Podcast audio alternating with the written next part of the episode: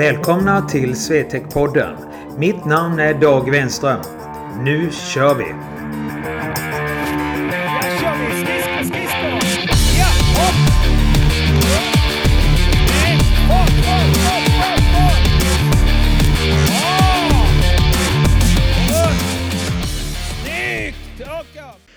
Välkomna till ett nytt avsnitt utav Swetec-podden. Ni lyssnar på det trettonde avsnittet och det är fredag och jag hoppas ni har haft en helt underbar vecka. Själv har jag också haft en kanonvecka. Fem dagar nu i den nya dieten och det funkar hur bra som helst. Jag tycker framförallt att huvudet har blivit lättare och jag är inte lika snurrig. Men det är inte det vi ska prata om i det här avsnittet. Det här avsnittet ska väl handla lite om vad som händer under januari månad för en hockeyspelare. Eh, vad som man kanske ska tänka på framöver efter när de här månaderna är slut. Och det nya året och vad det kan komma. Sen kanske vi har någon liten extra grej också som glider in i dagens avsnitt. Om ni vill veta mer om Swetec så går ni in på hemsidan swetechhockey.com eller på swetechgym.se. Ni kan också ställa frågor och eh, skicka in lite tips på ämne och då mejlar ni till podden snabela swetechgym.se. Och det är kanonroligt om ni skickar in lite härliga underbara ämnen som jag kanske kan tugga på lite här under något avsnitt. Ja, hockeymässigt januari. Det kan ju vara en både rolig och jobbig period. Det beror lite på vilken nivå och vilken division man är i och hur gammal man är givetvis. Det kan hända en hel del inom hockeyvärlden då. Ehm, men det som jag tänkte ta upp lite angående januari månad Det är just den fysiska förutsättningen ihop med tekniken. För att eh, man har firat jul och nyår, man kanske har varit iväg på kupper och lite sådana här saker. Och då är det lätt nu att trilla in i, i en lunk som innebär träning, match, träning, match, träning. Och så glömmer man bort vissa delar som är väsentliga som vi har pratat om tidigare på Swetec-podden. Och det är fysiken. Att man verkligen lägger ett koll på den fysiska träningen också. Och håller i den träningen framförallt. Och eh, där är ett dilemma många gånger för att man börjar att och ska vi säga, trappa av i januari när det gäller fysträningen och se lite vad som händer i februari och mars. Nu då när ni vet lite vad som händer ofta i januari så kanske jag skulle vilja ge lite tips och rekommendationer angående januaridelen. Och det gäller ju då den fysiska träningen, att man verkligen håller i den. Jag brukar rekommendera mina adepter att man ska i alla fall ligga runt två extra pass i veckan. Då tänker jag på extra då gentemot det ordinarie fysprogrammet som ofta är inte så många just nu. Och inriktningen här tycker jag är väldigt viktig också. Och här brukar jag rekommendera cardio då, alltså kondition, det centrala systemet helt enkelt. Och att man jobbar med rörligheten. För att mycket som har hänt innan den här månaden det är ju faktiskt att man har byggt upp sig, man har även kört styrka och det gör det ju att muskelstrukturerna eh, inte har samma flexibilitet. Och nu då när vi snart kommer sen till februari och mars där det kan vara som så att det blir väldigt mycket täta matcher, speciellt när man är äldre. Det kan ju vara slutspel och sådana här bitar. Och då gäller det då i den här perioden kanske att förbereda sig för vad som komma skall. Och då är det ju många som säger ibland att ja men vi kör ju väldigt mycket skridskor och si och så just för att få upp den konditionen. Men det brukar man kalla för hockeykondition. Och det är lite annorlunda än kondition. Eller uthållighet och som jag också kan uttrycka det emellanåt. Och det, då menar jag det centrala systemet. Alltså det systemet som pumpar ut och syresätter muskulaturen. Ofta i hockeykondition så är det ju faktiskt en kombination utav hjärta, lunga och ben. Och hur mycket man har verkligen jobbat uthålligheten under kanske både försäsongen och under hösten. Men vad jag menar det är att man ska påverka det centrala systemet ännu mer så att det blir starkare att kunna då föra ut då det här syresatta blodet till muskulaturen. Och det är ju benen som är vår stora bit om man säger så. Och här brukar vi ofta köra då väldigt högintensiv träning med eh, intervaller. Och här försöker jag ligga med mina adepter då på 25 till 30 sekunder, vila 10 och x antal varv. Lite beroende på person och status och, helt enkelt. Och det gör ju att de här personerna kan verkligen toppa lite till, om man uttrycker det så, inför det så kallade slutspelet. Och det här, det här, så här har jag gjort i många år och det har gett fantastiskt bra resultat. Och det här påverkar inte den andra träningen egentligen. För att har man haft en bra träning under hösten och även försäsongen så blir det inte att man går ner sig just nu. Eh, jag vet ju också att lag i december då trycker på väldigt hårt och försöker då bryta ner kroppen väldigt mycket för att sen släppa av träning. Och det där är en liten annan, ett annat upplägg helt enkelt som jag eh, tror lite eh, är föråldrat. Sen finns det vissa detaljer i det här som jag tror man har utvecklat och gjort bättre. Och där har jag inte full koll. Så där vill jag inte gå in och clincha om man säger så. Men min erfarenhet utav så som jag jobbar med mina adepter så har vi ju sett att de här killarna har ju faktiskt haft sin bästa period under hockeysäsongen i februari, mars helt enkelt. Och det, det är väl egentligen då hockeyn gäller någonting. Eh, det andra är ju en ren transportsträcka. Så ska vi nu summera de här delarna som jag tog upp. Så var nu inte rädd för att trycka på med eh, fysträningen under januari. Ni behöver inte alls tänka er att det ska påverka Eh, prestationen på själva isen. Utan har ni haft en bra höst med fysträning och ni haft en bra försäsong så är kroppen förberedd för det här. Har ni däremot inte haft det, då bör ni kanske, eh, ska vi säga, eh, inte överbelasta där ni jobbar med långa träningspass.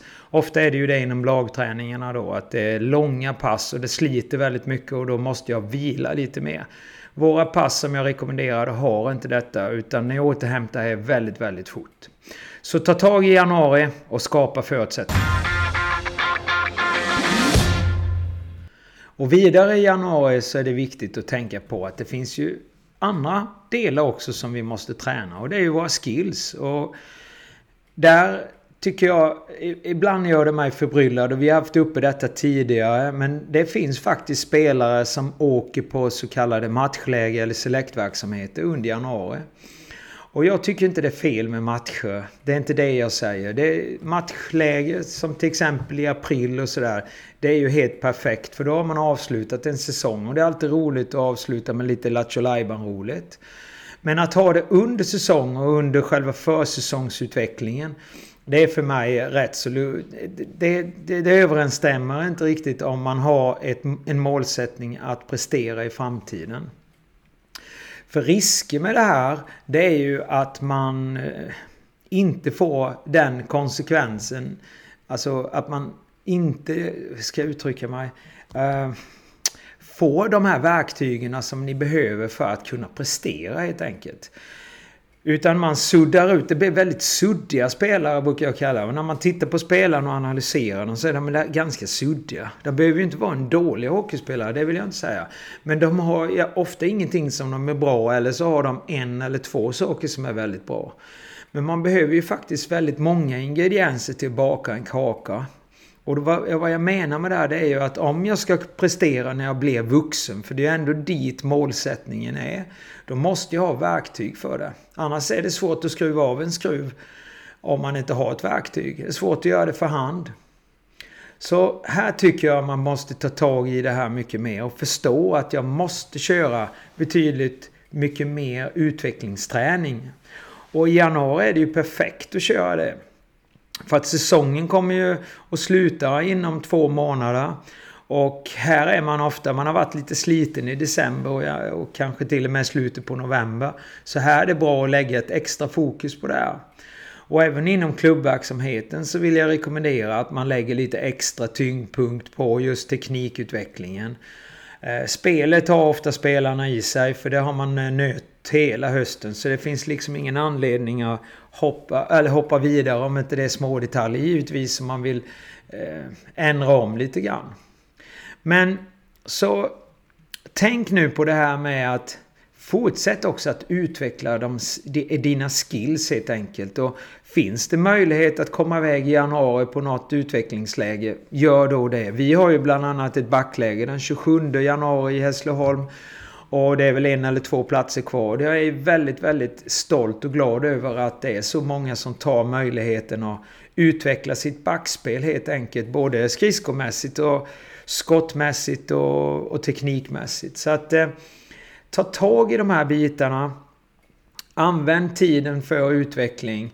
Så att ni har liksom de här verktygen som jag pratade om. För att kunna prestera. För det är inte idag du ska vara bäst. Det är när du blir lite äldre och framförallt när du blir vuxen.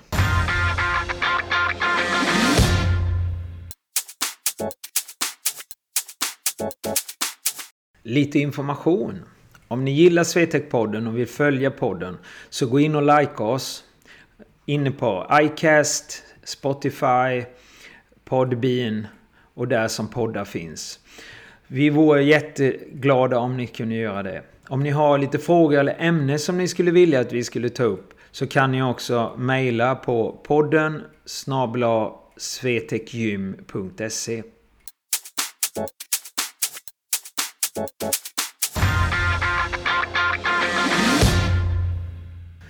Nu till ett ämne som vi är kära i i Svetek, För det är ju grundbasen i Sveteks verksamhet om man säger så på hockeysidan. Och det är skridskoåkningen.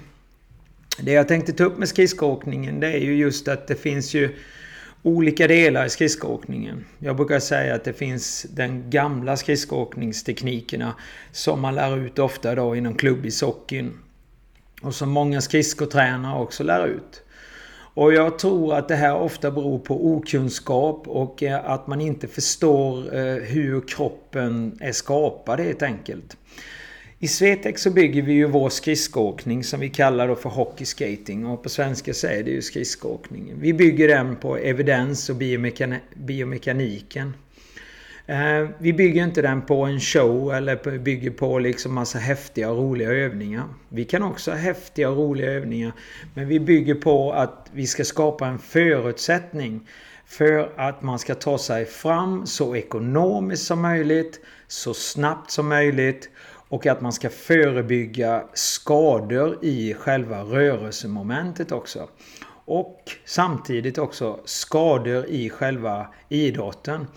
Typ att man kan komma från situationen på ett bättre sätt eller styra av till exempel om man kommer mot en motståndare och så vidare. Och framförallt i dessa tider när vi har en problematik med hjärnskakningar. Om man tittar i vanligheten, om man ser liksom på de som lär ut skridskoåkning, både klubbar och eh, vissa andra skridskotränare, så tror jag inte riktigt man är klar över hur höftens och rörelseschemat ser ut egentligen.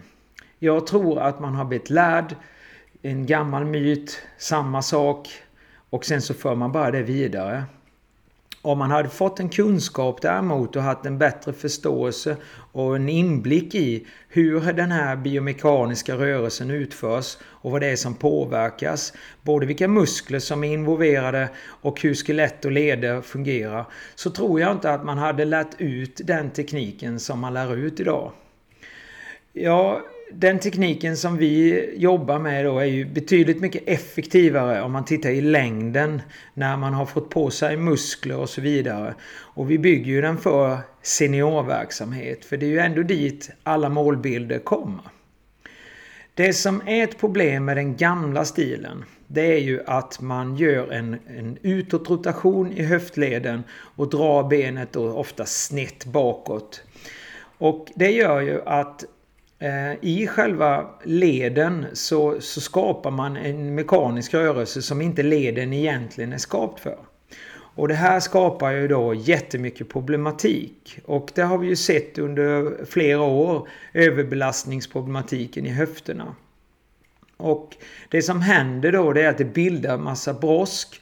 Och att själva höftkulan blir lite äggformad. Och det är det som gör att man får sådana problem sen och smärtor då i höftleden. Så när spelare opererar sig så går man ju helt enkelt och jämnar av då den här, de här övre kanterna eller under kanten. Så att den blir mer rundare. Och då minskar då smärtorna och framförallt så slipper man problemet om man inte fortsätter i samma biomekaniska rörelse. Att förändra den här tekniken det är inte lätt. Vi har ju hållit på med det här nu i, sedan 2003. Vi ser ju på de spelarna som idag är vuxna vilken fantastisk skridsko energirik skridskoåkning de har. Och mig vetligt så finns det ingen utav de här som har problem med höften. Vi har en spelare som opererade sin höft förra året och det har jag pratat om tidigare på podden. En 01 Men det som hände där det var att han bytte skridskotränare och han bytte klubb och han bytte fysträning. Och efter ett och två år så hade faktiskt kroppen tagit så mycket stryk så att han blev tvungen att göra den här operationen i höften då. Ehm, och det har han ju förstått och därför så kör han lite annorlunda idag. Men det som är viktigt att tänka på tycker jag det är ju att när man lägger in den här tekniken, den som jag kallar den moderna tekniken, så tar det lite tid. Det är ingenting som man bara liksom quick fix gör på en, eh, en kamp eller två. Utan ofta så måste man tyvärr, om jag uttrycker mig så rent eh, ekonomiskt och tidsmässigt, Ehm, gå på en hel del läger och verkligen indoktrinera rörelsen så man skapar då en, ett nytt schema helt enkelt i huvudet. Så att huvudet liksom programmeras om helt enkelt. Och att man skapar de fysiska förutsättningarna till att klara den här rörelsen. För mycket av den fysen som görs idag för skridskoåkning är ju inte implanterad direkt in i eh, muskulära strukturer och eh, eh senfäst och sådana här saker. Utan det är liksom en traditionell fysträning som kanske inte påverkar det här frånskjutet till exempel. Så som det liknar ju ungefär som man springer. Så det är ju därför det är en naturlig del. Så fysträningen måste ju gå hand i hand där med själva skridskotekniken. Och det har vi ju experimenterat och kommit fram till under många års eh, träning. Väldigt, ett, ett, väldigt bra system om hur man bygger upp då de här fysiska förutsättningarna. Och sen så är det ju viktigt också att man skapar då den här uthålligheten så att man ska kunna åka med den kraften och energin. Och det som är så effektivt med den här skridskotekniken det är ju också, och det är det inte många tänker på, att mjölksyran inte kommer på samma sätt och det här givetvis kan ju också bero på hur vältränad spelaren är. Det, det köper jag helt och hållet. Men man, om man ser rent eh, rörelseekonomiskt så gör man ju en rörelse utan att behöva liksom skapa för mycket energi. Däremot så skapar man ju betydligt mycket mer kraft. Så det är ju den då som man försöker att träna upp och lägga ihop. Alltså 1 plus 1 blir ju 2.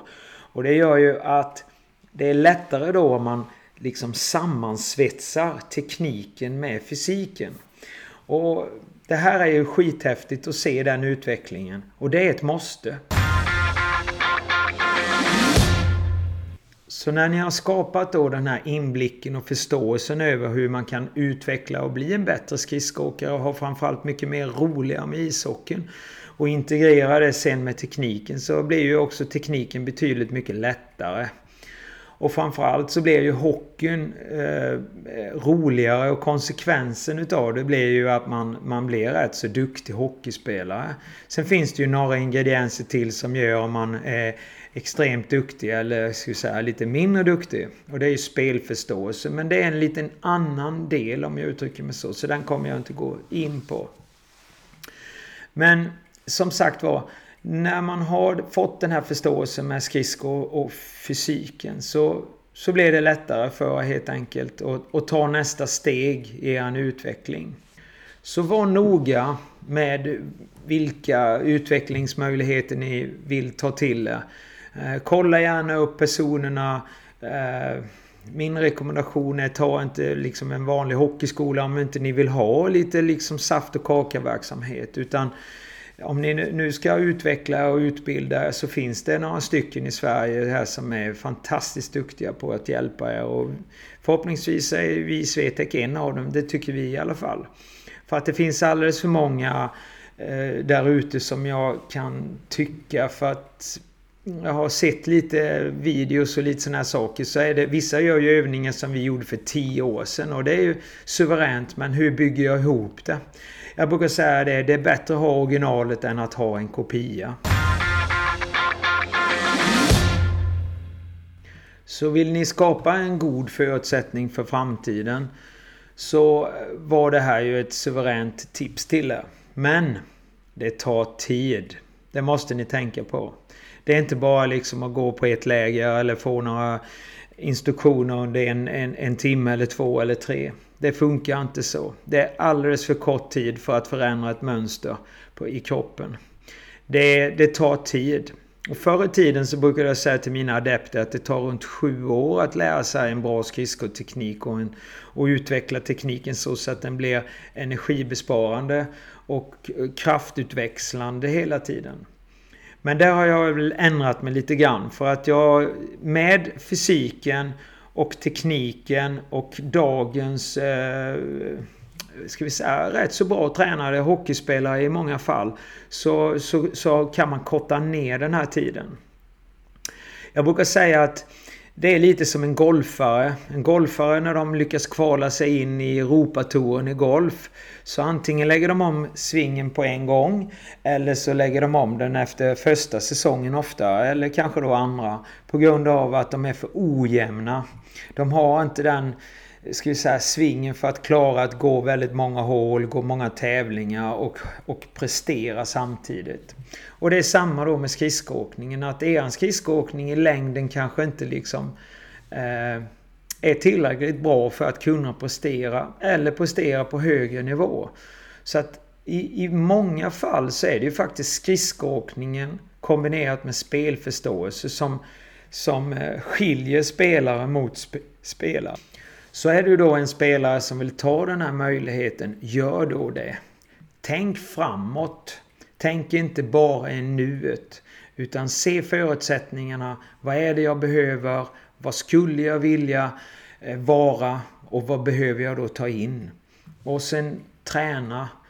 För att som sagt var, att spela matcher, det måste vi också göra. Men vi ska brinna när vi kommer till matcherna. Vi ska vara fokuserade när vi kommer till matcherna. En match ska inte bara vara en utav alla andra utan varje match är unik. Och som den här klyschan brukar vara att man tar en match i taget. Den är jätteviktig. Så att om man spelar då till exempel som jag hörde någon spelare som jag hade på ett läger här för ett tag sedan. 80 matcher på en säsong. Det finns inte de ingredienserna. Då blir matchen matchen bara. Det finns liksom inte den här riktiga eh, elden i det. Jag ska avsluta lite hockeyskatingen för den här gången. Men innan jag gör det så vill jag... Eh, ja, vad ska jag uttrycka mig? Alltså, skridskoåkningen. Eh, det finns väldigt mycket experter när det gäller skridskoåkning. Och... Eh, jag är ingen expert utan jag försöker utveckla mig från varje dag helt enkelt för att bli bättre och att de som, som ehm, eh, köper mina tjänster ska bli en bättre hockeyspelare. Det är A och O. Det är mitt mål varje gång jag ställer mig på isen eller kör fysträning här med en hockeykille. Eh, och även givetvis andra idrotter också. Men och, och jag har under många år inte brytt mig så mycket om vad andra gör. Men den sista åren eller sista tiden så har det, har det dykt upp eh, fler namn och lite fler verksamheter om man uttrycker så. För att många av spelarna har nämnt det och så. Så att man har blivit lite nyfiken. Eh, någon eh, kör något liknande kanske så som vi gör och någon har lite andra nya övningar och så vidare. Så att det har, det har hänt nu faktiskt under det sista halvåret att jag har gått ut och, och på internet och YouTube och kollat även andra. Och jag, jag, tycker det är farligt för att jag har inte velat göra det innan och klart jag har inte vetat om så många heller men Eh, Eh, för att jag vill inte liksom få någon bild utav någonting annat som inte har med det jag försöker att, att ge till dem som står framför mig. Utan det är ju deras förutsättningar som jag ska skapa och indoktrinera vårt, eh, vårt system eller program helt enkelt. Men det som har slått mig när jag har gått ut och tittat på de här andra skridskotränarna det är hur... Ja, de, de är ju fantastiska killar, det måste jag ju säga, för det är killar allihopa. Det är ingenting, ingen snack om det. De är tekniskt duktiga, de flesta av dem. Ehm, och så vidare. Men det finns ju övningar som inte har någon relevans till verkligheten. Och det behöver man ju givetvis inte ha heller. Men frågan är om det finns ett syfte. Och Eh, det är ju inte många jag har kunnat se hela programmet på för att man lägger ju bara ut vissa snuttar som är häftiga och det, det gör vi säkert också i Svetek också. Vi, vi är ju väldigt måna om att inte lägga ut för mycket. Och det gör vi ju för att vi vill ju inte att det ska kopieras. För vi har ju sett här och det såg jag också nu när jag tittar på nätet. Det finns ju många, antingen har de sett vad vi har gjort eller så har de haft en jättebra idé. För att vi ser ju bland annat övningar. Det var någon här uppe i Mellansverige som körde någon skridsko... Eh, eh ja, kör något skridskoläge helt enkelt. Och eh, de körde övningar som vi gjorde... Eh, ja, det är nog 7, 8, 9 år sedan. Och de är sällan vi tar fram idag för att vi känner inte att de är relevanta till verkligheten. För hockeyn idag är betydligt annorlunda än vad det var för 7 år sedan. Ehm, och sen så då som sagt så, så ser man massa övningar som jag inte kan associera. Men om de har ett syfte och man har lagt upp det kanske liksom som vi gör ibland. Vi lägger kanske sju, åtta övningar. Och sen försöker vi dra igenom dem för att det är liksom grunden för den här ehm, eh, rörelsen. Det, då, då, är det helt okej. Okay. Så jag kan ju inte sitta liksom och såga dem heller för att jag har ju inte alla korten på borden. Men den känslan jag har när jag frågar vissa adepter som har varit hos några andra då, kollegor och, och sådär. Det är ju att det känns inte som att man försöker skapa en, en bra grund utan det är en, eh, det är en show helt enkelt. Och man blandar och ger väldigt mycket. Man kör eh, expansionsband i vissa delar. Men man förstår inte när man ska använda dem egentligen. När ska jag använda motståndsträning? När ska jag då använda de här expanderna som gör att jag får en acceleration och så vidare? Det är ju ingen mening att lägga en acceleration om jag inte har tekniken för själva starten och, och hela den här processen när jag trycker iväg. Ja, det är så som vi i Swetec upplever det i alla fall. Men eh, som sagt var, jag bryr mig inte så mycket vad de andra gör, men det var intressant att se. Det tycker jag. Och sen är det ju upp till var och en och vad man vill göra. Vissa tycker det andra är bra och då ska man ju givetvis köra på det. Och vi hoppas ju att de som är hos oss tycker att vi är bra. Och att man får med sig en utbildning för livet, för det är det det handlar om. Ja, det här var väl vad jag tänkte ta upp det här avsnittet. Och eh, jag hoppas att ni fick lite eh, kanske nya tips, kanske lite andra eh, värden eller liksom eh, tankar som ni kan ta med er och eh, utveckla vidare helt enkelt. Och att ni tar tag i situationen verkligen och, och skapar de goda förutsättningarna och vanorna för att, att nå ert bästa helt enkelt. Det som jag sa också i början var att vi skulle skjuta in en liten extra grej idag. Och den saken tänkte jag skulle vara Dagge. Och det är ju mig själv. Och jag startade ju förra veckan i podden också med att jag skulle starta Peppkampen. Och det innebär att man gör då en förändring i eh, livet kan man ju säga. För man gör en förändring utav sitt eh, kostintag bland annat. Och man ökar motion. För den har legat lite på sparlågan den sista tiden. Och framförallt att jag skulle göra en förändring i min kostintag då. För att det kände jag var enormt viktigt. Jag kände ju mig trött och ofta väldigt sliten. Har väldigt ont hade jag. Uh, kände... Uh, ja, att man var snurrig i huvudet emellanåt. Väldigt trött och sådana här bitar. Så som sagt var, så att nu är det min femte dag på det här projektet och uh, jag mår betydligt mycket, mycket bättre. Jag känner mig klarare i huvudet framförallt och har inte de här snurrningarna som jag hade innan. Sen vet jag inte hur själva viktdelen har gått för att det bara mäts in en gång i veckan och eh, det är på måndagar vi gör det och kollar lite olika värden och sånt där. Så att vi får vänta och se på resultatet. Men det viktiga är ju att man ställer om ifrån svältläge till, till förbränningsläge. För det är ändå det som gör att kroppen mår bättre. Och sen så då så har ju, äter jag ju mycket, mycket, mycket nyttigare. Jag äter ju nästan inget onyttigt längre. Så eh, jag mår bättre.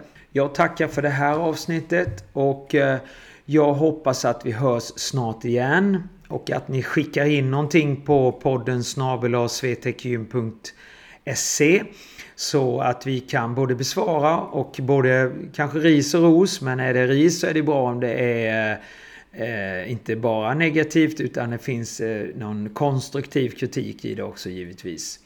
Eh, och så hoppas jag att vi hörs nästa vecka igen. Så fram till nästa vecka, ha en fantastisk vecka och jobba på det så hörs vi då. Hej då! Ja, kör vi! Skridskor, skridskor! Ja, hopp! Runt! Snyggt! Fart, fart, fart, fart, fart! Bra! Och runt! Snyggt! Och upp!